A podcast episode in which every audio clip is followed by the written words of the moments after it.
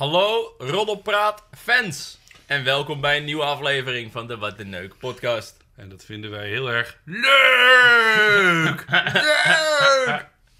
Laten we beginnen over Dominique Weesie. Dat is een Verschrikkelijke man. walgelijk. Wow. Dit is wel echt een van die problemen die ik heb met Roddelpraat kijken. Dat is eh, voor de grootste deel is het echt alleen maar dat. Zo van bepaalde running gags herhalen.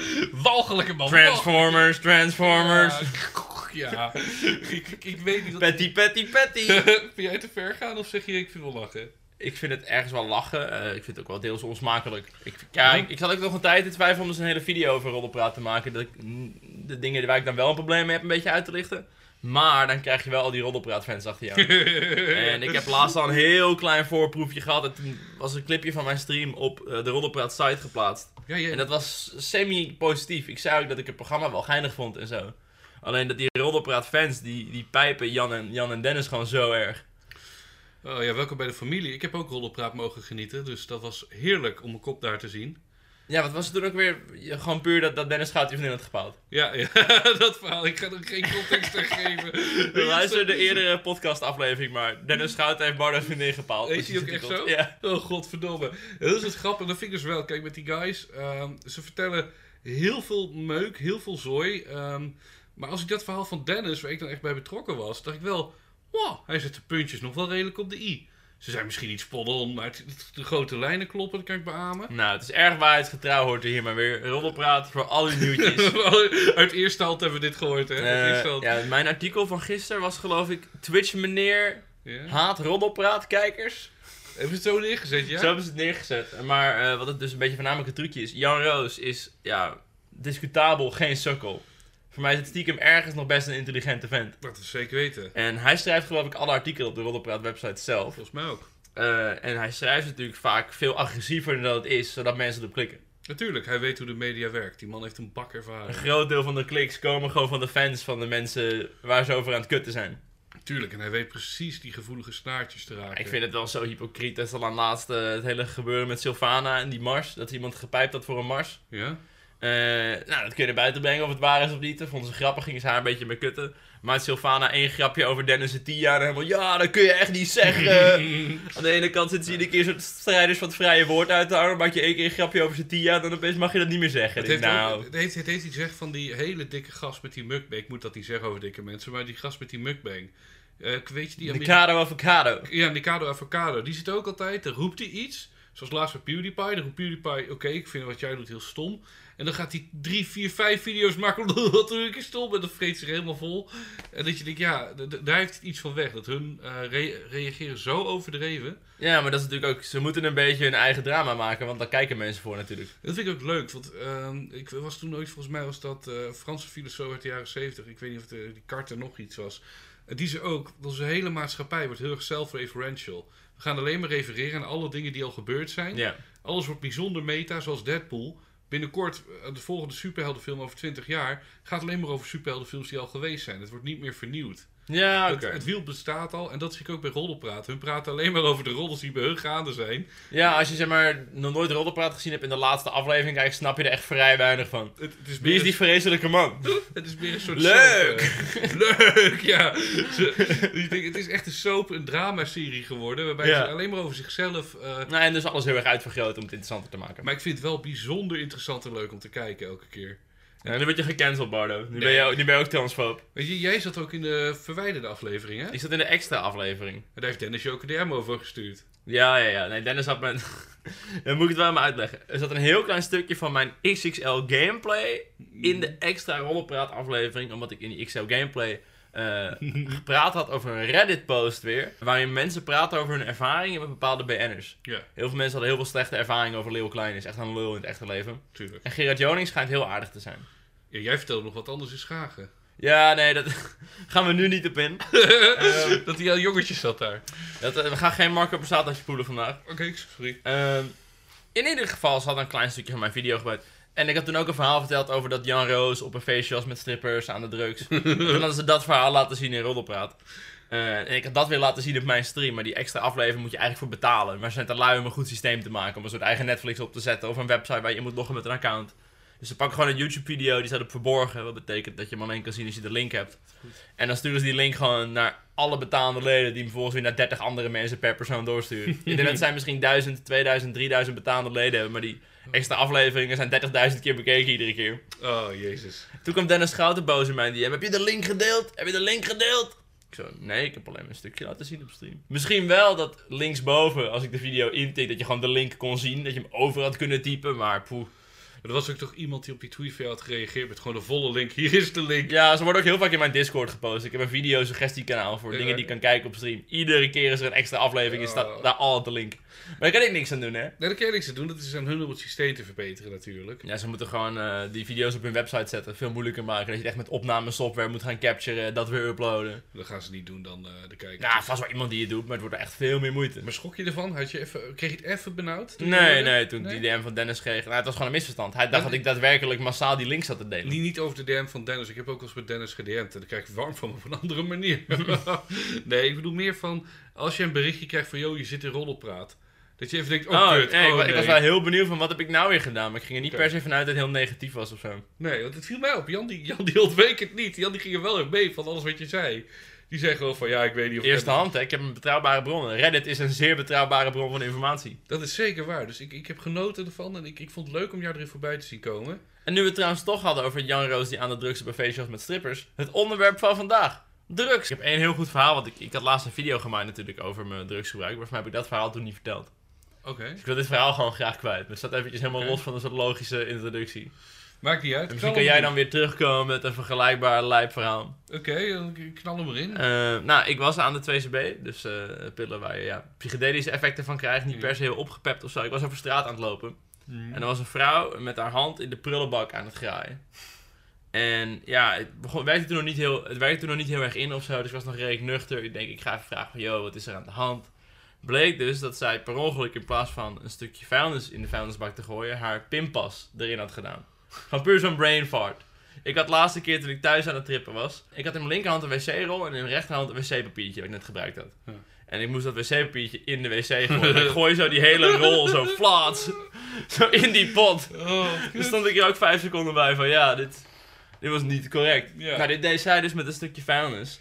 En zij zat maar te kutten in die prullenbak. Het is zo'n prullenbak met zo'n soort stalen koepel erboven. Zo'n. Amsterdamse prullenbak, dat je kan er niet in. Mensen moeten niet in de prullenbak. Alleen een soort wagentje komt, trekt het hele ding in één keer uit de grond. Dus je kan er bijna niet in. Je kan niet lekker bij de bodem. En wij hadden zoiets van, oké, wat is nu je plan? Zij zei, nou, ik denk dat ik nu ga wachten tot de volgende ochtend, tot de prullenbak geleegd wordt. Dat ik denk, alsjeblieft, blokkeer gewoon je pinpas en ga gewoon weg, toch? ja, Nieuwe pinpas 10 euro of zo. Wat zit je nou moeilijk te doen? Wie zegt dat ze überhaupt komen de volgende ochtend? De true. prullenbak is alles behalve vol. Eh, toen opeens dachten we, weet je wat, wij wonen hier in de buurt.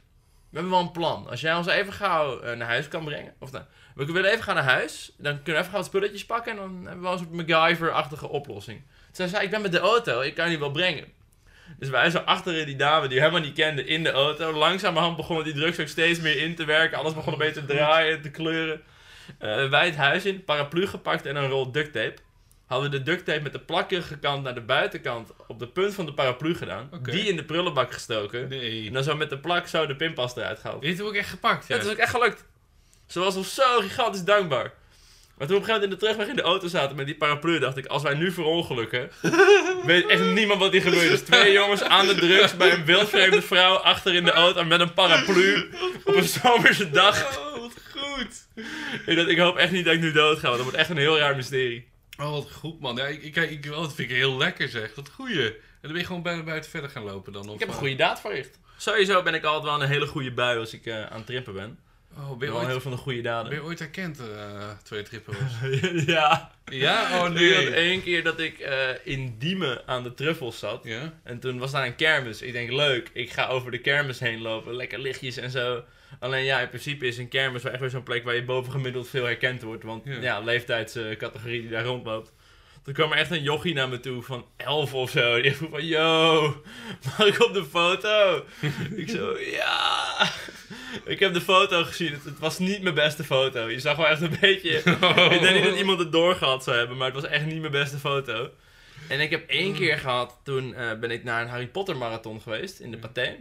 Eh, dus dat was dan alle acht Harry Potter films achter elkaar. Dat is een tijdje geleden al Dat was dan. een tijdje geleden. En toen had ik echt heel slecht geslapen daarvoor. Want ik had een tentamen en allemaal shit. Ik had heel slecht geslapen. En toen op een gegeven moment dacht ik, ik had een klein beetje LSD bij me. Ik denk, als ik dit nu neem, gaan een kleine hoeveelheid, dan houdt het me wakker. Tijdens de film. Oh nee. En ik heb echt wel redelijk hoge hoeveelheden gehad, maar deze keer was echt heel weinig.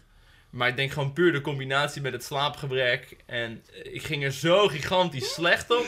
Ik werd echt super paranoïde dat in de zaal een bewaker naar binnen zou komen en me eruit zou trekken. Terwijl ik zit gewoon stil de film te kijken. Er is niks verdachts aan. Ik werd super paranoïde dat ik gepakt ging worden. En toen op een gegeven moment werd ik zo gek. De films boeiden me ook niks, want ik had ze al te vaak gezien. En toen op een gegeven moment heb ik een soort van halve paniekaanval gehad eigenlijk. Dat ik tussen de... eh, ja, in de pauze richting de vijfde film. Je had iedere keer 10 minuten pauze of zo. Het was in Groningen, ben ik gewoon Groningen ingelopen, naar de Mackie geweest, daar een beetje gechilled. En toen kwam ook nog iemand naar me toe of ik met op de foto wilde. Ik zei, ja, joh, eh, tuurlijk. Oh, word je dan vaak herkend? Eigenlijk valt het wel mee dan. Nee, over het algemeen wordt niet heel vaak herkend, alleen als je drugs op hebt blijkbaar. Nou, deze drugs op heb, godverdomme. Ik weet in het kader hiervan, mijn, even mijn favoriete verhalen ervan was... ehm, toen moest ik naar Duitsland toe eh, om Kevin Hart en George Gett te interviewen. Ja. Eh, keek je het verhaal of niet? eh? Ik, voor mij heb je dit ooit verteld, maar het zegt me nu niks. dan, dan laat je verrassen. Want Kevin Hart kent iedereen, George Gett is de stem van Olaf. En ik dacht, oké, cool, die wil ik wel interviewen, doe ik even lachen heen en weer. En het was alleen dat ik moest vertrekken om 8 uur s ochtends van Schiphol. Dus ik ging naar Schiphol toe, toen heb ik daar even snel een paar jointjes soldaat gemaakt. Ik dacht, lekker man, even, dan kom ik gewoon even rustig in het vliegtuig. Het was toch ergens om 4 uur s middags dat interview. Had ik een kuiltje gegraven bij een van die plantenbakken, had ik daar mijn wiet in verstopt. Oh! Ik, kan, ik kan niet met mijn wiet eh, het vliegtuig in. Ja. En die wiet had, zat anders de hele tijd hier in het kleine zakje wat je hebt, waar je normaal een Ja. pasje of zo in doet. En je broekzak. Dus ik zei, oké, die boeien, ik het vliegtuig in. En eh, vervolgens, ik in het vliegtuig rook ik al zo'n walm van mezelf. Van, ik dacht, fuck it, ik ga gewoon lekker naar Berlijn. Eh, uiteindelijk in Berlijn, ik eruit. En we moesten allemaal staan in een lange rij om door de douane te komen, of weet ik veel wat, van Duitsland. Hè? Ja. Even er langs heen lopen. Met zo'n waakhond en alles. Nou, oké, hup, volgende, hup, volgende, hup, volgende. En bij mij eh, stond ik daar en in één keer voelde ik wat hangen aan mijn broek. Dus ik kijk zo, hangt die hond met zijn bek aan dat zakje in mijn broek, waar de wiet de hele tijd heeft gezeten. Oh, wat zeg, what the goed. fuck? Dus ik, nou ja, oké. Scheisse. Ja, doe, niet komen, niet komen. Nou, dus ik mee naar een apart hokje. Nou, godverdomme zeg, knijtstoon stond ik daar. De hele tas opengemaakt en hun pakken een paar boekjes. En uit een van mijn boekjes valt echt als een soort, soort regen zo alle vloei. van- Ik zo'n kutzooi. Dat is. Die heb ik niet begraven. Dus oké. Eh, de vloei moest. Nou, toen uiteindelijk wouden ze controle, controle doen. Alles mijn gevoel. Ze konden niks vinden. Toen moest ik mijn shirt uitdoen en mijn broek om het goed te controleren. Stond ik zo in mijn onderbroekje daar op het Duitse vliegveld met drie van die echt grote Duitse beren. Toen kwam er nog een vrouw, een heel lekker wijf, ging achter me op de tafel zitten. Ze vond me heel lullig in mijn onderbroekje zo. Dat ik denk, oh shit. Is dat echt in je onderbroek daar gaan? Nou, die niet al te lang hoor, maar echt heel kort even. Ja, korte controle. Ze hebben ook niet maar Ik heb niks gevonden uiteindelijk. Nee, want er was ook niks. Ik had alles al begraven in Ik Nederland. vond vooral het verhaal wat je zei over dat begraven wel funny. Een vriend van mij, die is echt een super slimme gast. Die is een bushalte die heel veel mensen nemen richting Schiphol. En eh, heel veel mensen gooien dus in die prullenbak daar, vooral toeristen die niet meer terugkomen en het gaan begraven. Die gooien daar in die specifieke eh, prullenbak hun wiet. Dus hij stak letterlijk gewoon zijn hand in die prullenbak. Hij zei, check dit, check dit. Hij steekt zo de hand erin en haalt zo drie zakjes wiet eruit. Oh wauw, dat wist ik dan niet. Ik had dit laatst op stream verteld. Iedereen zei, waar is die prullenbak? Waar is die prullenbak? Is het echt? Oh wauw, zou die prullenbak nog steeds... Werkt dat, ja? Ik zou niet meer weten waar de prullenbak is, maar er zijn denk ik Oh. echt wel best, wel be- best wel veel plekken waarschijnlijk in Amsterdam waar mensen gewoon wiet begraven inderdaad. Als je gewoon met een schep gewoon door het Vondelpark heen loopt, op een gegeven moment ga je gewoon drugs vinden waarschijnlijk. Ja, kijk, voor mij was het zo, omdat ik, ik moest naar Duitsland op die dag en dezelfde avond was ik weer Heb terug. je het nog opgegraven? Eh, nee, hè? Ja, jawel. Echt? Het was En echt het lag er nog. Het was een zak van 4 gram, hè. Dus dat was echt gewoon een joekel. Je mag maximaal 5 gram bij. Het lag ja. nog steeds in die plantenpot. ja, in die plantenpot. Ja, ja. Het was, Hoe keken mensen je aan toen je daar wiet in een plantenpot had was? ik was zo stil, ik heb er niet op Had je gelet. niet gewoon minder wiet mee kunnen nemen die kant op? Ik had er niet op gelet. Ik deed mijn broek aan en in de trein dacht ik, oh ja, kut, ik heb het nog.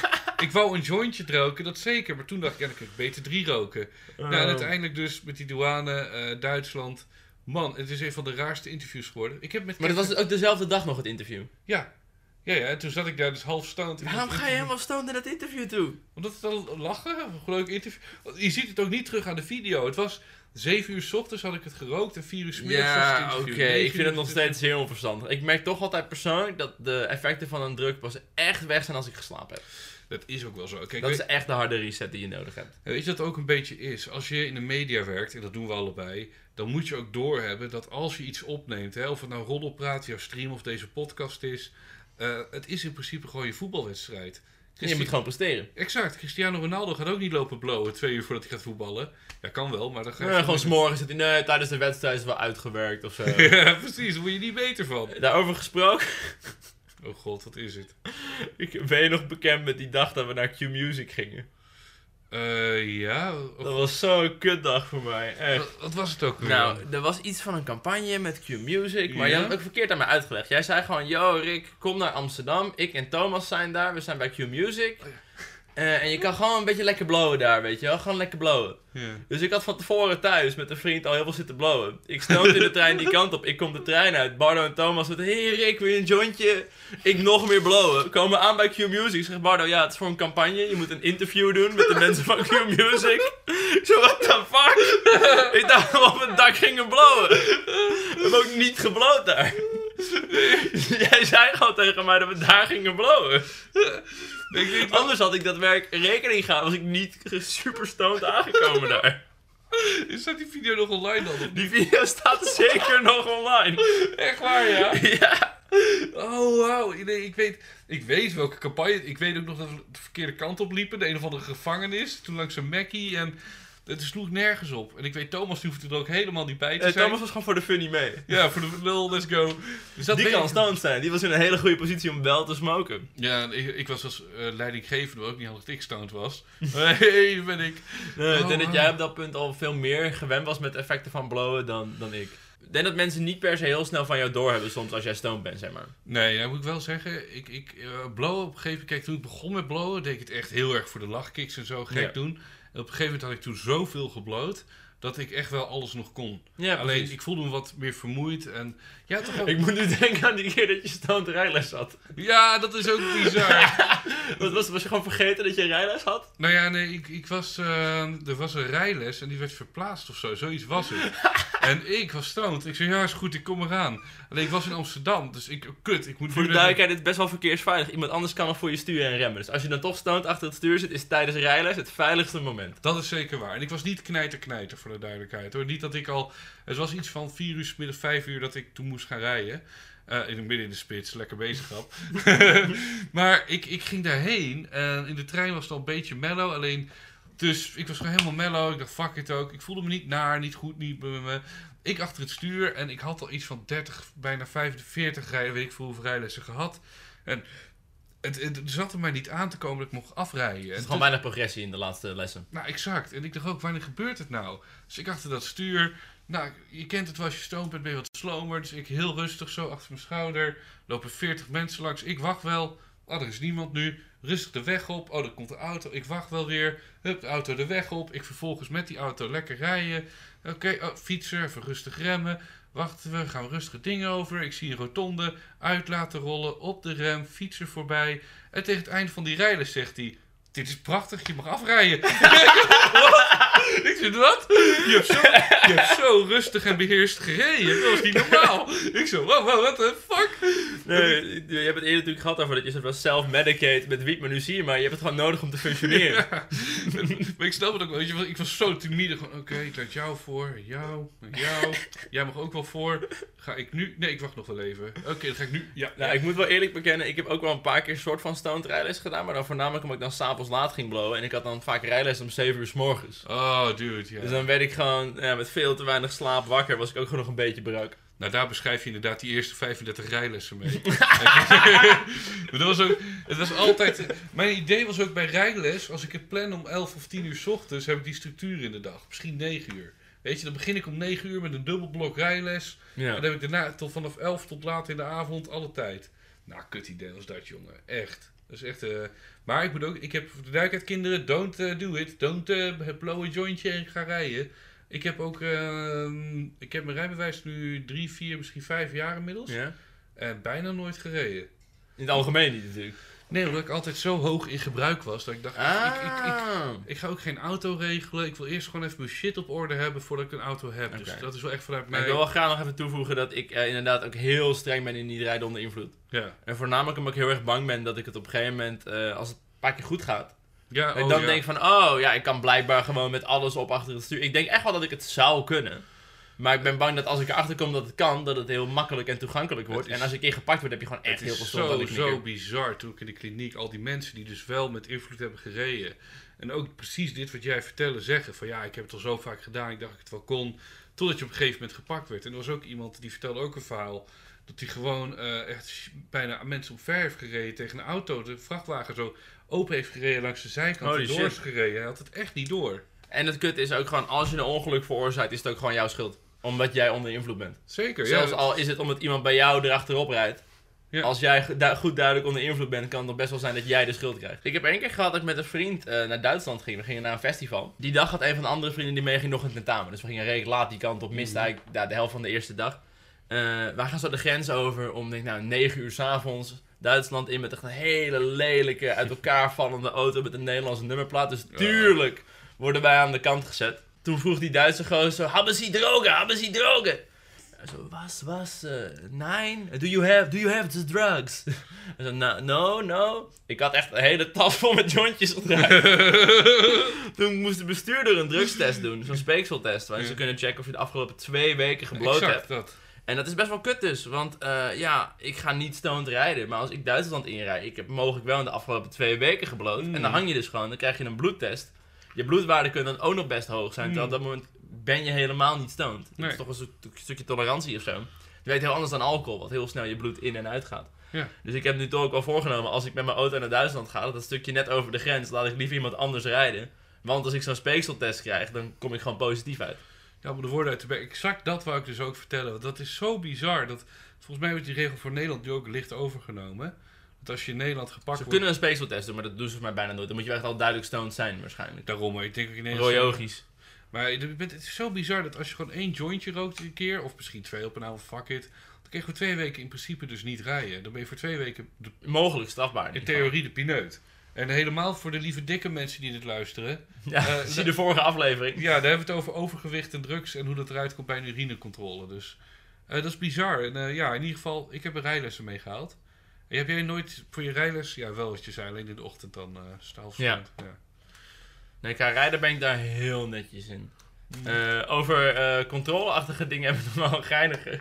Oh, Ik was een tijdje geleden in Oostenrijk. ja. En toen had ik ook een paar jointjes meegenomen. Weer van Oostenrijk, Duitsland in over de grens. Ook weer controle. En toen moesten ze mijn paspoort hebben. Die lag achterin. In mijn tas. Maar dat was ook de tas waar mijn jointjes in zaten. Ik twijfelde nou welk vak is zeg maar het paspoortvak. En welk is het jointjesvak. Dit, dit klinkt heel erg als het scenario in de film, dat je de bom moet doorknippen. Is het groene- welk draadje. Ja, welke is het A of B?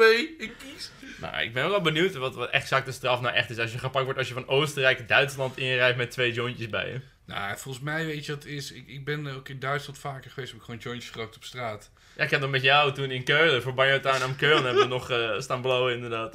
Ik weet wel inderdaad dat jullie toen zeiden, heb je nou een hele zak wiet mee? Ik had echt, echt vijf, twee keer vijf gram mee, 10 gram of zo. Meer dan de Nederlandse eh, wet. Dat meegenomen naar Duitsland. Ja, dat kan je niet doen. En vervolgens liepen we naar die, eh, de messtoel, heet het geloof ik, in de Keulen voor de Gamescom. En de, alle Duitsers kwamen op ons af. Hebben ze gras? Oh, ik moest een beetje gras. Dank je, dank je. en wij zo gras, gras geven. Ja, mogen we nog wat filmen? Oh ja, nou natuurlijk. Ah, en stonden we met een paar van die Duitsers. hem al een paar Duitsers wiet gegeven toen je. Ja, niet een paar, maar dat is gewoon... Ik heb één zakje. Half Keulen gesupplied. En ik weet nog wel dat we toen thuis kwamen, zaten we lekker op de bank en zo. En op een gegeven moment waren we Rick kwijt en wij Leo zoeken. En dan stond je op het balkon. Te barven, ja. Helemaal lijkbleek te kotsen. Nee, dat was een van mijn vele ervaringen met het combineren van alcohol en wiet. Dat is een heel slecht eh, idee. Is dat voor jou een eh, slechte, ja? Ik ga daar altijd van kotsen, maar echt altijd. Maar het is vooral eerst heel veel zuipen, dan al een beetje aangeschoten zijn en dan gaan blowen. Dan kikt echt een gigantische misselijkheid in, duizelig. Nee, ik ben er geen fan van. Ik voel me er ook niet per se prettiger Ik kan door. het echt heftig afraden. Ja, maar kotsen heb ik er niet echt gehad of zo. Dat valt, eh, dat valt reuze tegen. Oké, oké. Dus nee, voor het kotsen hoef ik het niet te doen. Ik weet nog wel een keer, dit is een van de eerste keren ooit, dat ik met jou gelivestreamd heb. Volgens mij hebben we ooit een keer bij jou thuis vanaf de Wii iets gelivestreamd. Misschien was het zelfs echt gewoon niveau camera op de televisie richten. Ja, ja. Ik weet nog dat ik toen een tijd mijn eerste relatie had en eh, mijn toenmalige vriendin was heel erg tegen mijn blowen. Zij had echt bijna ongeveer het ultimatum gezet van weet je, het is of blowen of ik. En dan ben Ja. ik al redelijk geneigd om te zeggen blowen, maar puur omdat, ja, het ene persoon... Het is een beetje als, een, als je vriendin zegt, yo, het is of deze, je zus of ik, of de, deze willekeurige chick die je helemaal niet ken of ik. Dan nou, die andere persoon geeft mij geen ultimatum. Dus op het moment dat je mij een ultimatum geeft, heb je al 20 punten aftrek, want ik ik. vind het kut dat je me laat kiezen tussen zoiets. Ja. Eh, bij haar was het zo van, ja, haar ex die eh, blowde veel en dat was een lul. Dus mocht ik niet blowen. Dat was ook de redenatie. Het is een beetje zo'n, omdat ik het zeg eh, van je moeder, weet je wel. Dat vond ik heel kut. Ja. Eh, dus ik heb het toen grotendeels niet gedaan. Want ja, ik vond, eh, ik had een leuke relatie. En ja, ik vind het ultimatum niet leuk, maar ik had ook geen zin om het uit te maken. En toen waren we bij jou, toen gingen we ook blowen. Maar was dat toen Jordi ook een van de allereerste keren gebloot? In een hele lange tijd in ieder geval. Voor mij had hij vroeger wel eens gebloot, maar heel lang niet. Ja, dat was, ik Toen weet, ging hij, ging hij Bob Marley aanzetten. Dat vond Bardo zo scheidirritant. ja, kijk, ik weet zeker van Jordi op dat moment dat hij niet eerder had gebloot.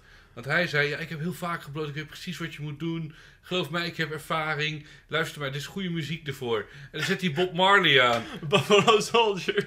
Ja, dan denk ik, je bent ja, Buffalo van South Park bijna. Zeg ik, jongen, Het voelde zo'n cliché inderdaad. Dat je met de boys op een bankje luisteren naar Bob Marley. ik zeg echt, Jordi, flikker op, je hebt nog nooit gebloot. Kijk, als je nou Snoop Dogg had gedaan, eh Allah, dan kan ik mee leven. Maar je hebt geen verstand. Nou, dat vind ik heel naar. Maar wat wij zeggen ook weer. Nou, toen hebben we dus die livestream gedaan bij jou. We gingen Super Mario Bros. doen op de Wii of zo. Ja? En eh, ja, mijn vriendin heeft toen die livestream gekeken. En toen zag ze dat ik heel erg baked was. Ben fucking pissed geworden. Echt waar, ja. Heb ik dat toen gestreamd? Ja, voor mij hebben we toen gestreamd op een gegeven moment. Ik kan me echt niet herinneren waarop. Op het op Banjo Town YouTube kanaal denk ik of Want zo. ik weet precies de plek waar we hebben gezeten, wat we hebben gedaan. Op die bank zaten we. Misschien heb ik het gewoon opgenomen en later gemonteerd en geüpload. Nee, nee, voor mij was het echt een livestream. Want voor mij was zij toen live in de chat boos op me aan het worden. oh god, het is niet je eerste en je laatste vriendin die zo boos wordt daar. Nee, nee. Oh, wauw, wat goed hè. Ja, ik, ik weet dus wel voor mezelf, eh, als ik iets deed voor de camera wat ik stone deed, grappig verhaal, eh, dan kon je dat bijna altijd herkennen aan een blauwe filter. Dat was mijn geheim Ging altijd. er een blauwe filter overheen gooien. Wat hè, voor je rode ogen, blauw filter, zie je het minder. Ik bedenk me opeens dat ik al veel video's van je gezien heb vroeger met een blauwe filter eroverheen. die- met name die ongeknipte dagelijkse vlog. Daar had ik al twee jointjes gerookt. kwam ik thuis dacht ik, oh, kut man, ik moet nog zo'n vlog. Hé hey, iedereen, daar ben ik weer. Eh, en het, het grappige is dan, als je dan, of had ik althans, met, ik heb met je Thomas, had ik er ook een keer over gehad. Als je dat doet en je gaat dan opnemen, dan ga je heel erg redeneren, hoe doe ik ook alweer? Oh ja, ik doe dit en dit eh, voor de camera. Wordt het heel overdreven of zo? Nou, dan ga je jezelf een beetje nadoen. Dan zie je, oké, dan gaan we dan. eh, drie, twee. Yo, op gasten, welkom bij een nieuwe video. Dan ben ik weer, pardon. En die denkt, bijna als Vaco. Die zegt, shit hé. Dus als je ooit een ongeknipte dagelijkse vlogs terugkijkt je ziet een blauw filter. Iedere aflevering. Iedere aflevering, nee, met name voor 2018, eh Hmm. 17. Ik heb ook wel een paar keer geëxperimenteerd met stoned een YouTube video opnemen. Zelfs met een klein beetje. Dat denk ik neem een paar Mhm. hijsjes. Misschien gaat het dan makkelijker. En altijd gewoon kut. Ja? Dus echt al mijn YouTube video's zijn ongeveer in een nuchtere staat gemaakt. Omdat stoned is gewoon echt minder chill. Is dat zo, ja? Nou, als jij het zo uitlegt hoe jij het doet, klinkt het niet alsof het het eh, video maken beter maakt Nou ja, of zo, ik- toch? voor jou had ik het anders verwacht, want jij zei ook een keer tegen mij dat je het juist fijner vond. Om, eh, met name voor Twitch en zo, dat je op een gegeven moment het gevoel Nee, ik, had... ik had een tijdje toch wel een soort afhankelijkheid van wie dat ik voor het streamen ging blowen. Ja. Maar dat vond ik dan toch anders of zo. Bij een video ben ik best wel. Ik ben ook veel zenuwachtiger of zo als ik een video maak dan wanneer ik stream. Dan moet het zo, 15 minuten moet echt goed zijn. Er moet nu echt een mooi product komen. Terwijl bij een stream kan ik ongeveer, stel het gewoon een uur lang achter elkaar lachen. En dan vinden mensen nog steeds wel een soort van oké of zo. Een stream is ook veel meer nu en daarna is het weg. En een video is veel meer van voor de toekomst. Die blijft altijd bestaan. Dus dat streamen heb ik nog wel stand gedaan, maar dat doe ik nu ook eigenlijk bijna nooit meer. Nee, ja, logisch, groot gelijk. Ik weet nog wel eentje voor de eerste keer dat ik eh, truffels deed. Toen zat ik ook op een bankje te trippen. En ik weet, eh, een goede vriend van mij, die had een eh, hangbank. Zeg maar zo'n bank die aan twee van die ijzeren touwtjes. Mhm. En dat is chill, jongen. Dan weet je met je benen zo heen en weer gaan, heen en weer wiebelen als een omaatje. En eh, ik weet nog dat we op een gegeven moment naar buiten gingen lopen. En ik voelde me energiek. Ik had er zin in. Ik had gewoon eigenlijk met name veel zin om oortjes in te doen. En fuck hun, ik wil lekker in mijn eentje lopen. En ik liep ook gewoon midden over de weg. En ik weet niet meer wat we toen hadden verzonnen. Maar er was iets en er kwam erop neer eh, dat de eenzame drugstoerist. Dat zo voelde ik me ook gewoon echt in, in zijn kleine dorpje Twello. Om daar rond te lopen in je eentje. Dat is dat gevoel van de eerste keer die shit gebruiken, dat vind ik nog altijd wel magisch. Ik weet niet Zeker. Heb jij ooit truffels gedaan of niet? Ik heb eh, een paar keer truffels gedaan, ja. En viel het of zeg je nooit meer? Ja, ik vind het zo ranzig. Ik vind het echt heel vies. Maar behalve Ja, dat... eh, is niet te bikken, nee. ik weet nog één keer dat ik eh, bij een vriend truffels had gedaan. Die had ze maar nog nooit eerder gedaan. Ik vind het Mhm. toch altijd best wel leuk om mensen te introduceren. Wil je eens even checken, zijn, mensen, zijn dit mensen die dit kunnen handelen? Zijn dit mensen die dit eigenlijk willen? Weet je wat de effecten zijn? Is dat gewenst? Dus we gingen het bij hem doen, maar hij woonde nog bij zijn moeder thuis. Ja. En eh, nou, we hadden op een gegeven moment ingenomen, een uur later ongeveer zei hij, ja, we maken een beetje veel lawaai, dat vindt mijn moeder niet fijn, zullen we gewoon gaan slapen? Dus ik doe zo mijn ogen dicht en ik zie daar echt een explosie van kleuren en bewegen en dingen. Ik zeg, gast, ik ga niet kunnen slapen. dus toen zijn we maar gewoon naar buiten gegaan echt een super lange wandeling gemaakt. En toen was Pokémon Go nog heel erg de hype. Dus op een gegeven moment zaten wij gewoon in een bushokje gewoon te chillen. Stopte er opeens een auto over ons. Yo, zijn die ook Pokémon Go? Wil je mee? En ik had echt zoiets van, ik ben geen Pokémon Go aan het doen, maar zullen we gewoon ja zeggen? Zullen we gewoon achterin stappen bij deze random gozer in de auto? Ik ben heel vaak aan de drugs in de hele avontuurlijke buiten. Ik zeg, ja, tuurlijk! Je hebt, eh, Heel ja, impulsief. ja gezegd, Ja, ik wilde wel, maar hij, hij voelt zich minder comfortabel met bij deze Ah. vreemde mensen in de auto stappen. Dat lijkt me nog wel lachen, man. Als we ooit een keer dat samen doen om gewoon ja te zeggen tegen die shit. En eh, kijken we uitkomen. Ik, ik, Dood. dood. Nee, ja, maar fuck it, maar je moet een beetje vertrouwen hebben. Ik denk, als je een moord wil plegen, zijn wij twee niet de moeite waard. Ah, het spijt Kun je beter een knappe dame vermoorden of zo? Geen commentaar, maar wij, lijkt zo- wij zijn de gevangenisstraf niet waard. Je kan veel meer eruit die 20 jaar in de bak halen dan, dan Ja. een mollige man en een slanke man. Oké, is waar. Die niet echt vergeten zullen worden. En ik denk voor mezelf, eh, ik ben nooit echt spontaan met mensen in de auto gesprongen. Ik weet nog wel, en dit vind ik wel echt een ding, dat toen ik eh, net begonnen was met blowen, 17 jaar of zo, was er een meisje in mijn klas. En die had een vriend en die heette Ronnie. Uh oh, zegt klinkt gevaarlijk. Het klinkt altijd was kut en daarmee gingen we altijd hotboxen in de auto. en dat was echt, jongen. Ik Voor de duidelijkheid, hotbox is wanneer je alle ramen dicht doet, zodat dus alle eh, lucht zeg maar, blijft. En dan ga je dus in die walm zitten eigenlijk. Alles staat letterlijk ja, blank van de rook. Exact. Dus je hebt eh, ja, iedereen zijn eigen jointje, iedereen die zat daar. En als ik er terugdenk, dat was echt heel gevaarlijk. Hadden we ook echt niet mogen doen op dat moment. Dat is waar je, je tien jaar ouder bent geworden, je longen. Ja, daar zijn we nog echt flink van naar de kloten gegaan. en ik weet nog wel, kijk, ik kom uit Deventer, Twello, zeg maar. Hè, die, die, dat is heel dichtbij eh de Veluwe. En op een gegeven moment gingen we ook een paar keer naar de Veluwe toe. Gingen we zo rondrijden en als je dan dacht dat je een zwijntje zag, dan mocht je het zeggen. En dan deden we heel gauw zo die zwaailichten aan. En dan zie je in één keer zo'n zwijn voorbij rennen en dan zie je daar knijten stond. Oh man! En dat eh, was faal. Heb je nog eh, goede verhalen waar je aan de drugs interacties had opeens met mensen die nuchter waren? Kan politie zijn of vreemde. Ja, maar dat moet ik wel. Ik kan er wel heel makkelijk uitsnappen. Het is niet dat ik helemaal verloren ben en echt geen houding meer weet te geven. Ja, oké. Ik had een paar keer dat ik dus ging wandelen s'avonds laat in mijn Ja. eentje. En dan gewoon omgeving Schagenbrug, jointje. Op een gegeven moment, ik gewoon lekker wandelen aan de zijkant van de weg, best wel donker daar. Dus ik probeer dan altijd wel aan de linkerkant te lopen. Dus dat de auto's die je tegemoet rijden, zie je dan. Die zitten op jouw baan, dan kun je mooi opzij stappen. Dan word je niet in je rug eh, geraakt. Dikke tip voor s'avonds laat lopen. En op een gegeven moment stopt er eh, een auto bij mij.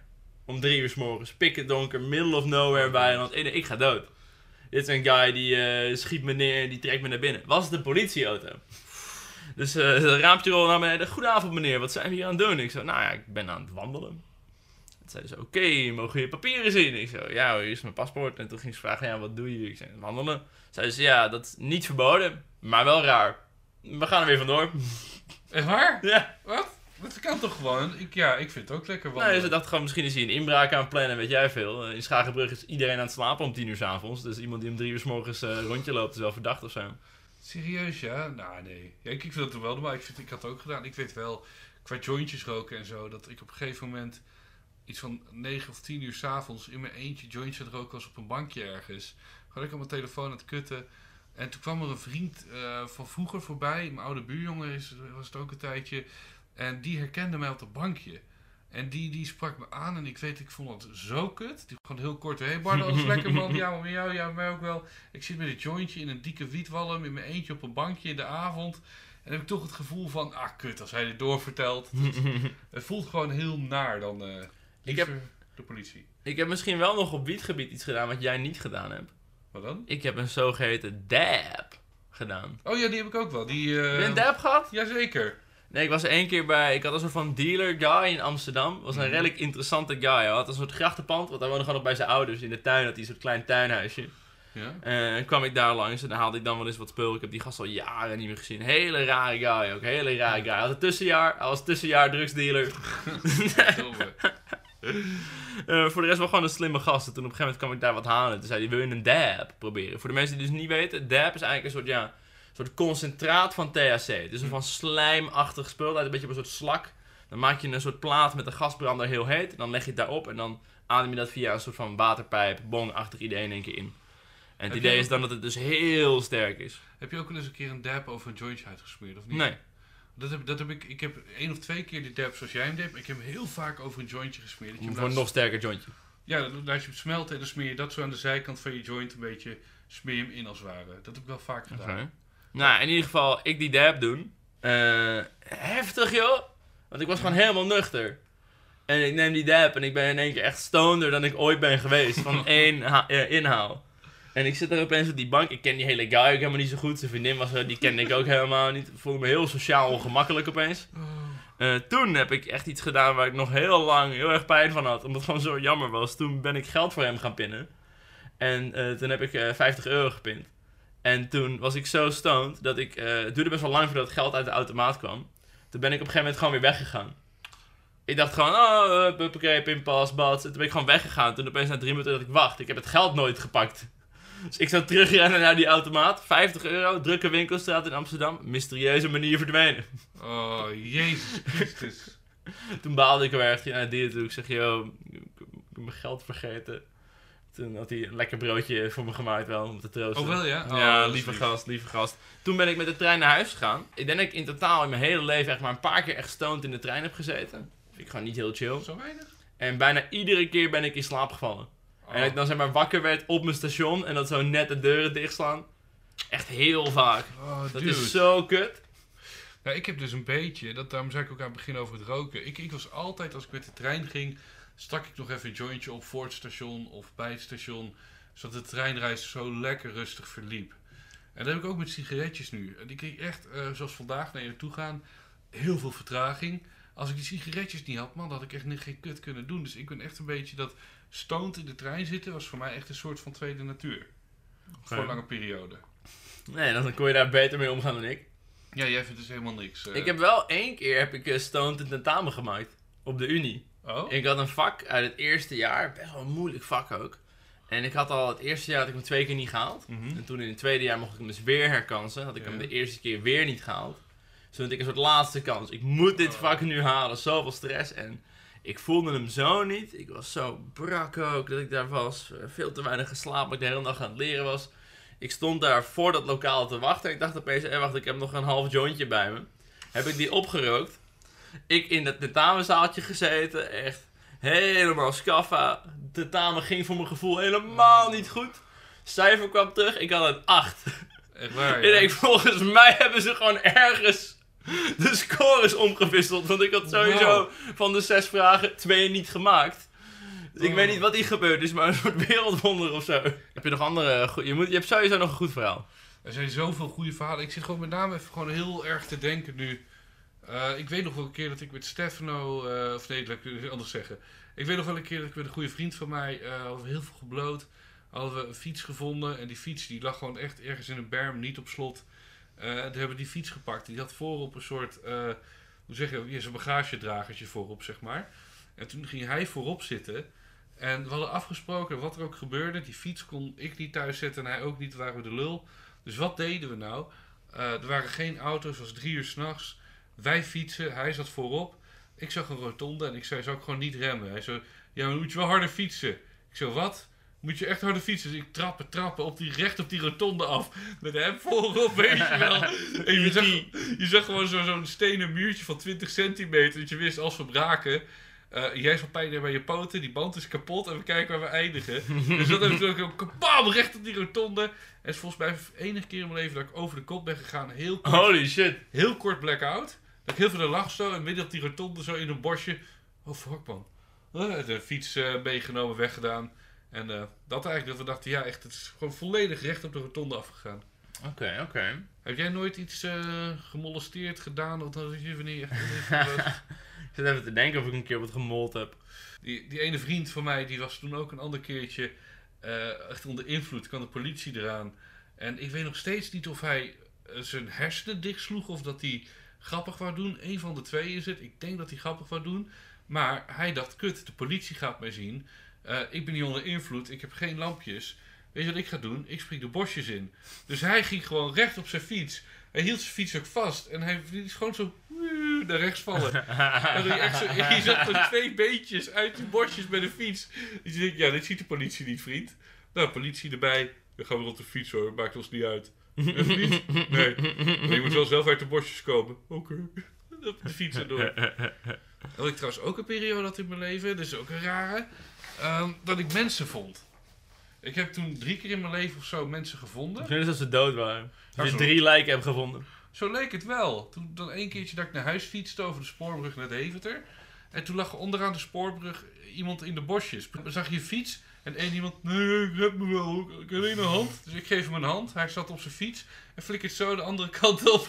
De andere kant van de bosje. En Oei, de andere kant van het bosje in. En één keer bij Zwolle dat ik daar iemand zag liggen in de stationshal. En Ja, lijp. Volgens mij was dat toen met Arjan.org, die eh, ken je wel. Oh, die ken ik zeker wel. En dat je denkt, ja, die, die lag daar gewoon. Gewoon iemand midden op station Zwolle. Ja, ik ben moe. Laat me rust. What the fuck? Ik heb wel eens eh, een heel ingewikkeld eh, probleem moeten oplossen terwijl ik aan het trippen was. Oh? Er was een feestje bij Billy thuis. Het feestje was gegeven door de zusje.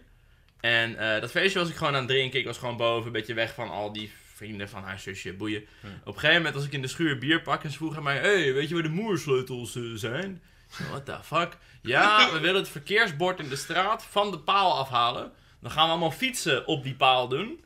En dat is dan grappig. En ik had zoiets van, nou oké, ik ben soort van de verantwoordelijke persoon hier. Ik was de oudste persoon in dat huis op dat moment. Ik zei, weet je wat, hier is die moersleutel. Wel alles weer netjes terug doen. Op een gegeven moment hingen er vier fietsen aan dat ding. Die zo in elkaar vast zaten dat mensen remkabels gingen doorknippen om ze uit elkaar te krijgen. Bleek helemaal niet nodig, ze waren gewoon flink tappie. Eh, dus allemaal fietsen naar de Getver. Toen op een gegeven moment dacht ik, nou, dan gaan ze weer in elkaar zetten. Bord weer netjes op de paal. Eh, wat ze toen gedaan hebben, is toen hebben ze de paal in het water gegooid bij het kanaal daar in de buurt. en het bord lag nog in de achtertuin. nee. Op een gegeven moment feestje af, iedereen naar huis. Eh, dat bord ligt nog steeds in onze achtertuin. Dus ik zei al tegen uh, Billy's zusje van... Hé, hey, eh, jouw moeder komt eh, morgen thuis. Eh, wij hebben een verkeersbord in onze achtertuin. Hoe gaan we dit oplossen? En toen op een gegeven moment, eh, de dag erop, eh, begon ik te trippen. En toen opeens dat ik van, ah ja, we moeten dit probleem nog steeds oplossen. Dus toen ben ik met dat verkeersbord de kamer ingegaan van, hé, hey, we gaan dit nu oplossen. we hebben echt drie uur lang alle mogelijkheden besproken. We dachten, we kunnen het bord gewoon ook in het water gooien. Ja, Niet meer ons probleem, klaar. Maar die borden worden wel gewoon betaald door ons belastinggeld. Ergens is het gewoon stom voor de gemeente als wij dat op die manier vernietigen. Het liefst wil ik dat de gemeente het bord terugkrijgt. Maar hoe? Zonder dat wij onszelf verdacht maken. Eh, een ander alternatief was, zij kende de vader van een vriend van haar. Die spaarde verkeersborden. Die heeft gewoon een hele schuur vol met die kringen. Hij had mogelijk interesse om ja, van ons over te stelen, zeg maar. Ehm, ik had nog overwogen om ja, hem gewoon eh, neer te leggen waar de paal stond. oh nee, oh, kijk maar wat je ermee doet. Er staat ook een beetje van, ja, gaan ze het bord missen? Het was een bord, je hebt een soort stukje kan boven of onderlangs daar. Ja. Je moet een beetje weten eigenlijk hoe het eruit ziet. Maar het komt erop neer dat eh, bovenlangs is het best wel smal. Dus je kan naar links, je kan sowieso rechtdoor, maar je kan of naar links of naar rechts. Of je gaat op het dijkje of onder het dijkje. Ja. En eh, de bovenkant is best wel smal, dus het bord zegt eigenlijk vrachtwagens rechtsaf. Vrachtwagens mogen niet via de bovenkant. Ik denk, is het een belangrijk bord? De meeste mensen die ondertussen vrachtwagen rijden, die rijden hier vast vaker of zo. Ja. Maar uiteindelijk hadden we besloten dat een stukje verderop was een soort bouwval. En toen zijn we midden in de nacht heen gegaan met het bord en we die gewoon daar gedumpt. Zo van, nou de gemeente is hier toch al aan het werk. ja, slim. Ehm, misschien vinden ze het bord, gaat even een belletje van, joh, we mogen een nieuwe paal. En dan zetten ze hem weer terug. En volgens mij hangt het bord er ondertussen weer, dus geen moeite gemeente. Oh, wauw. Netjes. Dus eh, jullie mogen altijd nog Rick bedanken daarvoor. voor Ja, het lijkt me wel zeer redelijk Ik vind inderdaad. het knap hoe je dit helemaal kan herconstrueren. Gewoon eh, tot in de puntjes. Het was een hele wilde avond. Ik, ik zou het allemaal niet meer weten, dat soort shit, man. Echt. Dan ben ik... eh, ben jij, jij bent ook geen initiatiefnemer daarmee, hè? Met gekke ideeën, of wel? Blijkbaar wel. Blijkbaar wel. Ja, maar dit is een oplossing zoeken. Daarmee ben je Oh ja, oké. Nee, het hangt een beetje van het idee af. Eh, Ik ben wel benieuwd hoor. Even, want we zijn nu al zo ver in de podcast. Eh, even voor de goede orde.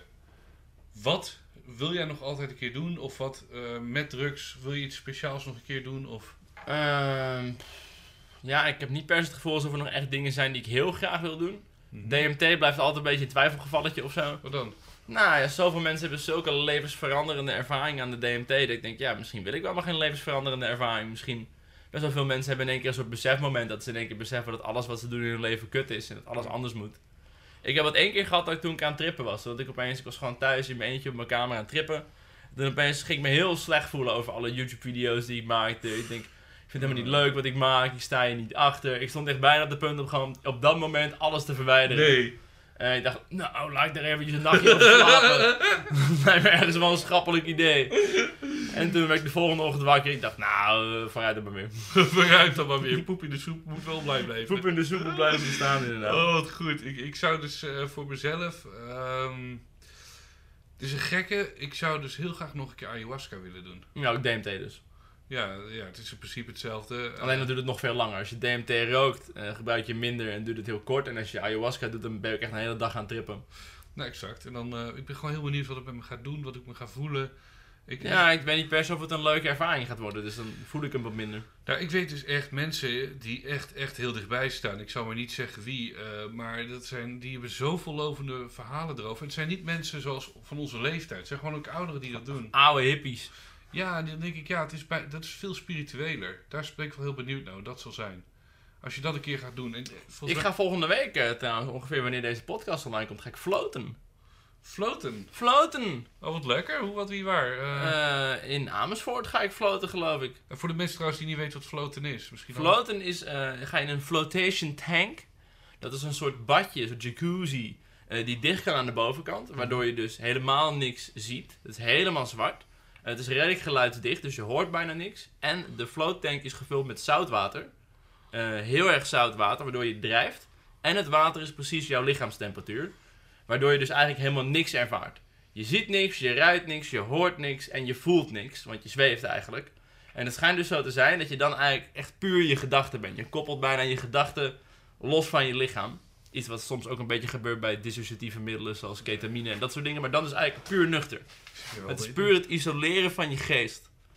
En het lijkt me heel vet, ik ben heel benieuwd. Waarom ga je het doen? Nou, ik ben heel benieuwd hoe het is.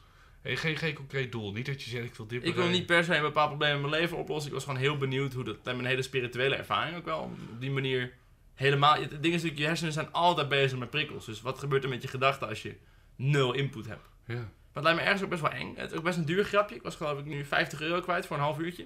Oeh, Maar dan heb je ook eh, misschien wel een levensveranderende Ga- ervaring ga natuurlijk. je eentje dan? Of, eh, Ik ga samen met een vriend.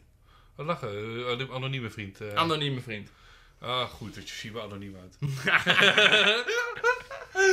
oh, wat goed man. Nee, dat vind ik tof. Dat vind ik heel cool. Stuur maar naar het... Ik ga dat even kijken. Vind Er zijn dus ook in Nederland plekken waar je zo'n flotation tank hebt met VR. Met VR? Ja, dan ga je in VR, waardoor het dus 100% immersie is. Omdat Oh, je wat? niet meer bezig bent met je omgeving of zo. Je zit nog meer in die VR. Oh, wauw. Ik, ik, ik heb dit nog floten nog nooit... Ik ken het wel voor de duidelijkheid, maar wauw. Die ga ik even onthouden, man. Dat, eh, Ik zal je laten weten of het interessant is. ja, doen. Eh ben ik heel benieuwd. En ik laat je wel weten of ayahuasca interessant is. Heb je wel eens kook gedaan? Eh, wel eens, ja. Jij? Nee. Nee, nooit? Nee. Rick. nee. Nee, sorry. Nee, ik geloof hier... Je hebt toch al... Je hebt een hele medicijnkast een keer gebruikt? Nee, nee, ik heb nooit kook gedaan. Wat? Ik ben wel benieuwd, wanneer heb jij kook gedaan? Wat voor setting was dit? Ik hoef geen namen of zo, maar Er zijn meerdere settings. Moet ik even één kiezen. Ehm, hoe vaak heb je kook gedaan ongeveer, denk je? het zou net wel of net niet op twee handen te tellen zijn. Oké. Dus het is niet voor mij dat ik overal... Ben, je- ben je er enthousiast over of valt het allemaal wel mee? Het valt allemaal wel mee. Ik weet, en dit is misschien een goede tip voor de mensen thuis ook. eh, een van de eerste dingen die ik eh, deed toen ik aan de drugs ging ooit. Hè, jullie gaan blowen. En ik weet met vrienden, we komen zo terug bij truffels. eh, toen we daar aan waren, toen vroeg ik ook van ja, maar ehm, wat ik graag wil voelen is gewoon energiek. Ik wil de koning van de wereld voelen. En dan is kook wel goed. Dus, en hun zeiden, oh dan moet je kook doen. Toen zei ik, oké, dan ga ik dat dus nooit doen, want ik wil me, dat, zo wil ik me voelen. Dat moet ik niet doen. En dat is misschien goed voor Ja. de mensen thuis ook. Denk na over hoe je je wil voelen en welke drugs dat gevoel geeft. Doe dat nooit. En dat heb ik met kook gehad. En de enige keren dat ik het heb gedaan is wanneer het voorbij kwam op een feestje. Ja, of bij mensen thuis. Ik heb het nooit zelf gehaald. Het is me dus ook nog nooit aangeboden eigenlijk. Is Echt? maar gewoon nog nooit kook aangeboden. Nou, Rick, wil jij een keer... ik heb super asociale Nee. vrienden die alle kook gewoon zelf opsnuiven of zo. Ik weet het niet. Is dat zo, ja? Misschien kom ik op te weinig wilde feestjes, te weinig televisielandschap maar eh, je, zou niet direct nee zeggen. Nou ja, wat ik een beetje bang voor ben met coke is dat, eh, wat je heel erg ziet bij mensen die het heel veel gebruiken, tenminste in mijn observatie, is dat ze dan heel vaak ook weer coke willen doen. Ja. Dat je op een feestje komt, twee biertjes op en dan meteen, eh, yo, valt er dan wat te snuiven? Dus ik ben een beetje bang dat eh, het beter is ik gewoon niet weet wat ik mis of zo. Ja, ik, ik zou als ik, als Ik denk ook wel dat ik het wat chill kan vinden, dus daarom moet ik het gewoon niet doen. Ik, ja, dat ben ik helemaal mee eens. Dat zeg je heel netjes, dezelfde filosofie als ik. Ik heb het dus wel een paar keer gedaan en het viel Wat was de eerste keer? Had je dat, was het ook compleet ongepland? Was dat dat iemand gewoon vroeg van, hey, wil je een nakkie? Dat je dacht van, nou, of had je echt een beetje tijd vrijgemaakt van... Nee, dat was compleet ongepland. Dat was, eh, iemand had het toevallig en die zei, hey, eh, wil je eigenlijk een keer proberen? Dus ik het verhaal uitleggen, vraag liever niet. En we zei, ja, maar we zien elkaar toch niet vaak. boeien. Ja, dacht ik ook, ja, fuck it, waarom ook niet? En het viel tegen. Het was niet, Ja? eh, ik weet een keer pilletje, daar voelde ik echt heel veel shit van. En van de kook, misschien was het baggerkook die eerste keer, maar dan zou het ook de eerste tien keer de hop moeten, bagger moeten zijn. Nee, dat viel best We wel tegen. gewoon meer coke snuiven dan.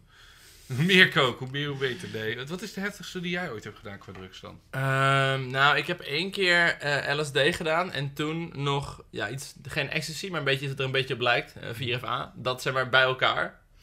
Dus dan sterk je, zeg maar, psychedelische met een hele grote release van blije stopjes in je brein. Toen voelde ik me wel heel erg gold mode. Ja, was dat echt... eh, Dat was wel echt heel ziek. Wat voelde je dan? Wat, wat, wat, Ik voelde me heel helder en puur en zuiver. wat heb je gedaan dan toen je onder invloed was? Eh, gewoon een beetje door, door huis gelopen. ja, dat ja. Een peukje groot op het balkon of zo. echt waar, ja? Gewoon Weer naar de lucht gekeken, ogen dicht gedaan. lekker zitten, niks doen. Nou, ik was, ik was gewoon heel tevreden met alles op dat moment. Met mijn hele leven. Ik ben vooral toch benieuwd naar je kookverhaal. Eh, Mhm. heb, je, heb, je, heb je nog iets van iets bijzonders meegemaakt? Een speciale ervaring? Of was het allemaal gewoon een beetje saai? Saai. Oprecht. Koken vond ik dan best wel saai. Daarom vertelde ik het ook met die grote aanhaal. Omdat daarna vond ik het heel erg tegenvallen. Ja, ah, misschien is het ook wel wat we het inderdaad heel erg zien als een soort top of the top, inderdaad, gold mode. Helemaal fantastisch voelen. En als je dat gebruikt, dan valt het toch wat tegen. Leeft het niet helemaal op aan de is verwachtingen. misschien meer een soort eh cafeïne in het kwadraat, dat je gewoon heel eh, ja, alert bent, scherp. Ja, ik was inderdaad wel alert. Ik was scherp. Ik was ook echt, echt actief. Ja, je wordt er wel lekker actief van opgewekt even. Daarom, hè, ik kreeg de oppepper. Ja, het is gewoon heel kut dat het zo kort duurt natuurlijk. Dat is voor mij ook echt wel een reden om het niet te doen. Dat je eigenlijk, zodra je het ongeveer genomen hebt, is de eerste gedachte in je hoofd zit, ik wil meer. Ik wil bijnemen. True. Het is eh, ja, korte duur. Zou, ik zou het jou ook echt afraden. Ik denk, je kan zoveel meer huilen uit een pilletje dan of wat dan ook. Niet dat je dat per se aan. Ja, dat, dat dan weer wel. Dat dan weer wel. Nee, dus dat is... eh, ja, nee, ik zit te denken... Ja, ik, ik heb oprecht geen goede verhalen. Ik kan je wel settings beschrijven, maar niet op de podcast, want dat is een beetje lullig voor de mensen met wie ik was. Ehm, maar ja, het is, het, het tegenvaller, man. Oké. Niet dat ik graag wou dat het leuker was, want dan zou ik er meer even hebben gebruikt. maar, eh, en sowieso nogmaals, dat is mijn geheim ook. Ik heb nooit het nummer van een dealer. Ik zou er ook zelf niet aan kunnen komen. Nou, je bent heel erg afhankelijk van anderen. Exact, dus als het langs kwam, heb ik het wel gedaan. En dit is allemaal gebeurd, denk ik, in de laatste 4, 5 jaar. Daarvoor heb ik het nooit echt, eh, Oké. Maar ook gewoon wat niet op je pad kan. omdat het ook niet op mijn pad kan voor de rest. De coke kiest jou. Als het voorbij komt. dan- Dus het enige wat ik nog een keer zou willen doen met drugs op, twee dingen eigenlijk, denk ik. Eh, voor eentje heb ik al een keer genoemd Van Gogh Museum of zo. gewoon, gewoon een Ik denk dat een museum, mijn ervaring met trippen in publieke situaties, is vaak gewoon niet heel positief. Nee? Toch een beetje paranoïde, je voelt je heel erg aangekeken of zo. Ja, nou, ik kan het niet zo veel verrot eigenlijk. Helemaal nu een mondkapje, dan zie je mijn kaak niet zo bewegen. Doe een zonnebrilletje beeld, maar je hebt me niet door. Ik denk dat je over het algemeen, ik heb ook best wel vaak vroeger nog dus eh, drugs gedaan toen ik nog met mijn moeder thuis woonde en die gewoon thuis is. Dat soort dingen. Ik zou dat soort dingen gewoon afraden, weet je. Je bent zoveel lekkerder bezig als je gewoon weet, niemand let op me, ik hoef nergens rekening mee te houden. Ik kan 100% gewoon mijn ding doen. Wat vind je van optie B? Dat is eh, Burning Man. Burning Man kan wel, Burning Man kan wel. Daar zit toch iedereen aan de drugs. Ja, dat lijkt me ook gewoon lachen. Want Burning Man, niet, niet, een festival, maar gewoon een echt groot evenement. Dus niet wat draait om de muziek, maar wat draait om de mensen en het dorp. Ja, ik had dus laatst iets gehoord dat er in Nederland een soort festival is in een bos. Eh, en dan heb je allemaal een soort kleine podia. Je krijgt een soort van kaart in het begin en je moet echt een beetje op een soort avontuur door dit bos heen. Bedoel je het in the woods? Into the woods. Ik, misschien is het daadwerkelijk Into the Woods of het is iets wat een beetje daarop lijkt. Mhm. Het idee is echt een beetje dat je gewoon een beetje door het bos loopt. Op een gegeven moment hoor je in de verte wat muziek, dan loop je erheen en dan is daar opeens een soort bandje die aan het optreden zijn. Goed. Lijkt me heel vet om dat eh, trippen te doen. Dat het echt een soort ja, avontuur is of zo. En iedere keer als je daar komt weer zo'n beloning krijgt voor het vinden van dit Oh, stukje goed. podium. Het grappige is, ik wil direct bijna zeggen, als dat moment daar is, hit me up, ik ga graag met je mee. Nee, je mag geen drugs meer doen, sorry. Dat wil ik dus net zeggen. Dat is het hele ding hiervan. We zitten zo te verheerlijken, maar man, dat eh lachen ouwe. Volgens mij is het In the Woods. Dus of het is hetzelfde soort concept is dat, maar... Ja, dat is heel dope. Ja, lekker baas. Eh, ik denk sowieso voor de mensen thuis die nu luisteren, een handige disclaimer. Geniet maar, drink met mate. Vooral drie met maat. Dus kun je, kun je ma- je allemaal kankers van krijgen. Ja, nee, precies. Niet, niet, niet, niet dat je nu in één keer thuis gaat zitten en denkt, oh, ik wil ook allemaal dingen doen. eh, het mocht van wat een neuk. Nee. Eh, het mag niet van mij. Ik zou voornamelijk gewoon zeggen... Ik drink altijd als een Facebook-wappie. Doe je eigen onderzoek. ja, Eh, ik ben echt niet van mening dat alle drugs inherent slecht zijn. Maar wel voor sommige mensen. Zeker. Je Ik moet... vind dat ook heel moeilijk. Ik ben niet per se bijvoorbeeld heel erg pro-legalisatie van ecstasy of zo. Nee, nee. Ik vind het ergens heel kut dat het nu gewoon een heel groot crimineel circuit heeft. Nee, maar- Eh, en dat sommige mensen doodgaan omdat ze de verkeerde pillen krijgen. Dat is wel een probleem. Maar ik ben toch bang dat als je gaat legaliseren... Sommige mensen moeten gewoon geen drugs doen. Nou, ik denk ook dat als je mensen te veel vrijheden geeft, eh, of zegt hé, hey, als je drugs bij je hebt, we zullen je niet oppakken, ja, dan ben je alsnog een soort dat gedoogbeleid, daar wordt het ook niet beter van, denk ik.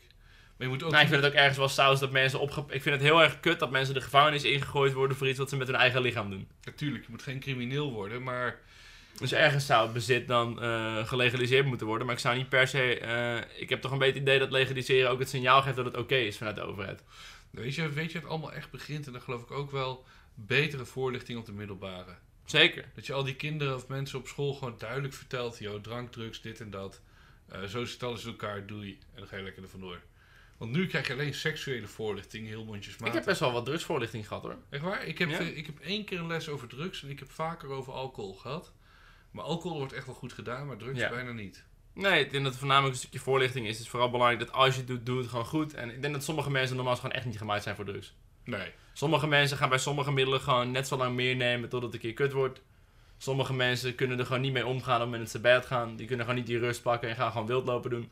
Ik denk dat het hele idee van mensen die uit het raam springen aan de LSD ook echt niet komt van mensen die denken dat ze kunnen vliegen. Het zijn gewoon mensen met een paniekaanval die Tuurlijk. zo in paniek zijn dat ze dan met gewoon dood willen. Ik denk echt niet dat het te maken heeft met denken dat je kan vliegen. Hmm. Ja, of het heeft te maken met beeldvorming in de media. Als ze allemaal gaan roepen dat mensen die aan de LSD denken dat ze kunnen vliegen. En dan neem je LSD, dan denk je dus misschien dat je misschien gaat denken dat je kan vliegen. Terwijl het helemaal niet het geval is.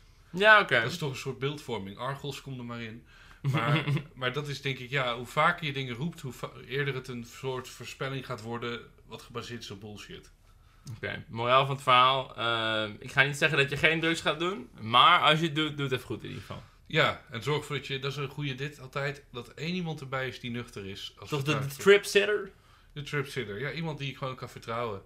Hè, die, die er veilig bij is. Nou, en iemand die ook een beetje zich heeft ingelezen daarin. Dat bijvoorbeeld als iemand zich niet op zijn... Vooral bij psychedelische middelen is het gewoon heel belangrijk dat mensen zich op hun gemak voelen. Dus dat je gewoon even zegt van, oh, vind je het niet zo fijn? Wil je even naar buiten? Eh, misschien moet ik even de muziek veranderen. Wil je even wat kijken? Je moet gewoon iemand hebben die ervoor zorgt dat je echt maximaal op je gemak bent. Ga alsjeblieft niet... Ik heb ooit met mijn rijinstructeur uitgebreid gepraat over drugs. Gewoon tijdens rijles. Oh, goeie. Ging hij zijn ervaringen vertellen. Hij zei dat hij eh, één keer LSD had gedaan. Was super kut. Was op Lowlands. Dat ik denk, ja, maar... Je moet ook niet op Lowlands LSD gaan doen. Dat is helemaal niet de setting daarvoor, joh. dat is gewoon een kut idee. Wat een rot idee. Je ja. moet niet op zo'n festival waar de meeste mensen gewoon aan het zuipen zijn, eh, LSD gaan doen. Ik denk dat je daar best ecstasy kan doen, dat je een prima tijd hebt. Maar LSD op Lowlands, mm, Wordt je veel beter lekker rustig in je eentje in een bos, of rustig met een paar vrienden in een bos gaan doen op een mooie zomerse dag of zo. Gewoon lekker je rust pakken. Lekker genieten. Heel veel drugs eh, werken toch niet heel fijn in een hele publieke setting. Dan is alcohol wel gewoon een hele goeie. Dat werkt wel goed met veel vreemden. True. Helemaal omdat het een algemeen middel is. En vooral bij middelen die je gedachten alle kanten op werpen, is het toch fijn als je niet met vreemde dingen gaat doen. Ik zou je afraden om te gaan trippen met mensen die je amper kent. Het is ook natuurlijk zo, als eh, middel doet met de meeste mensen hetzelfde. Dus als iedereen naar de alcohol zit en jij gaat in je eentje lopen trippen, dan val je flink buiten de boot. Ja. Maar als iedereen het trippen is en jij gaat aan de alcohol, dan val je ook buiten Ik had laatst gehoord dat je niet meer welkom was op bepaalde feestjes, omdat je er al stoned was. Dan gooit hij die er nog even in. Ja, zei hij vandaag, ik ben niet meer welkom op de feestjes van X, want ik ben altijd stoned, zei hij. We hadden een discussie daarover. Dat ik inderdaad twee, drie keer ertussenuit ben geknepen om te gaan blowen. En ik snap Oh, tijdens het feestje was je gewoon even voetzie. Ja, precies. En ja, op een gegeven moment ging ik naar de trein en was oké, doei. En dat was gewoon heel eh, crappy. Dus, eh, maar dat hoor je in de volgende aflevering van Wat een Neuk. Oh, Nee, ja, ik probeer... ik ben heel erg bang dat ik ergens nog een goed verhaal mis of zo. Ja, we kunnen bewaren dan. En waarschijnlijk, hoe dan ook, ook al stoppen we er nu mee of over een uur, er zijn altijd verhalen die je mist. We kunnen altijd nog ooit een keer een drugs part 2 maken. Weet je wat het is? Dat is het ding aan drugs. Je vergeet heel veel dingen die je dan doet. Daar ga je. En zoals we net zeiden, media is een sportwedstrijd. De wedstrijd is nu geweest. Dit is de uitwedstrijd, er komt een thuiswedstrijd en dan knallen we, jongen. Dan rammen we hem. Oké, ik hoop nu wel dat ik je niet te getriggerd heb om te gaan blowen. Nu we zoveel fantastische verhalen hebben waar je... Nee, nee, ik moet zeggen... Gewoon wel mee? Ik moet, nee, valt reuze mee. Ik moet wel zeggen dat, oh man, de, met name... Ik de- betrapte mezelf er wel een beetje op. Ik had letterlijk gisteren nog gebloot. Eh, eigenlijk was het helemaal niet zo leuk en ik werd vandaag veel te laat wakker. Dus ik had mezelf meteen weer voorgenomen, we gaan weer een tijdje niet doen. Mhm. Maar toen ik zo net die verhalen aan het vertellen was, dat ik wel opeens van, nou, ik, had dat, in principe... ik had dat dus daarnet wel even toen ik praatte over de trein. Dat ik dacht, oh, ik moet zo met de trein. Is het dan niet lekker om met de trein weer? Daar had ik het Ja, gevoel precies. Dus dan- En ik, ik dit was exact de reden waarom ik dus twijfelde of we dit onderwerp wel konden doen. Ik denk, ik wil niet eh, de kickstart zijn om je weer hierin te gooien. Nee, nee, nee, nee, nee. Ik heb nog zoveel af te leggen en te doen. Dus dat is echt te ver van mijn bedje. Als ik aankomende zomer eh, misschien een jointje rook, zou het dan wonder zijn. Maar dat, dat, dat hou ik echt heel ver van me af. Ik ben dan toch heel bang dat je heel gauw, dat heb ik zelf in ieder geval gemerkt, dat we heel gauw op gaat schalen. Het is gewoon heel moeilijk om één jointje te roken. Dat vrees ik dus ook. En ik wil niet meer in eigen beheer hebben. Zoals wat jij net zei over dat ding in het bos, meen ik, lijkt me heel lach om te doen. Als jij dan de shit Ja, maar ik denk regelt, oprecht dat je dan beter harddrugs kan doen dan kan gaan blowen. Ik denk oprecht dat in jouw situatie minder gevaarlijk is. Dat denk ik ook Ik denk oprecht dat we beter coke kunnen doen in het bos dan gaan blowen. de hele procent. Als we, dan- Oprecht. als we naar dat feestje gaan wat je zei, dan, dan eh, lijkt het mij lachen. Dan, eh, En nu komt ook de halve podcast komt ook die kant op. We zijn maar tot op de daar Nee. Eh, dat ene ding op het industrieterrein. Ah, gelukkig is in een bos, we kunnen ons verstoppen of zo. ja, dit- heb jij twee mensen in een bosje gezien huilen? Ja, dat zijn die zitten daar. Zijn van wat een neuk podcast. Oh man, er komen mensen op ons gejank af en dan komt er een hele groep en dan zijn die podiums leeg en dan is er een soort mini-festival bij ons. En ik, nee, dat was niet de bedoeling, jongens. Maar, ehm, Oh, één ding wat ik nog wel aan wilde halen, Ja, wat ik interessant vond. Ehm, een vriend van mij, die woonde heel lang eh, samen met eh, zijn toenmalige vriendin. En toen, eh, ik was daar ook best wel vaak en dan gingen we samen trippen. En hij had ooit geopperd tegen haar dat als ze gewoon een dag niks te doen hadden, en het was gewoon een prima mooie dag, dan was ze altijd vrij om hem, zeg maar zonder dat hij het zelf weet, drugs te geven. Ik vind het idee heel grappig, dat je Oh. gewoon zo lekker eh, glas drinken krijgt of zo. Oh, cool. Dat je dan door je eigen partner gedrukt wordt. Dat zou Dit is wel iets wat je van tevoren af moet spreken. Je moet je zeer duidelijk consent voor geven. Eh, het is wel een interessant idee dat hij op een gegeven moment zit en opeens denkt: hé, hey, de kleuren, wat, eh, wat is deze? Dat vind ik een heel cool idee, ja. Smart Boy, Big Brain, ik zou het wel leuk vinden. Nou, Niet, niet een uitnodiging. wil je nog een glaasje drinken, Bardo? ik ga ervoor, Rick, let's go. We kennen elkaars agenda niet, anders had ik het bij je gedaan ooit. Niet dat je consent hebt Ik gegeven. heb je geen consent voor gegeven, inderdaad. Maar had ik het nog wel gedaan. Dat, eh, zo ben ik ook weer. In ieder geval, wij zien jullie allemaal bij de boswandeling. Eh, mocht je het willen volgen bij de boswandeling, klik op volgen op Spotify. Dan, eh, Geniaal. En dan gaan we dat verhaal weer vertellen in de tweede aflevering van onze drugsavonturen. En tot die tijd denken wij nog steeds: wat een neuk. Tjallas. hey, hey, yo yo, groetjes aan Jan Roos.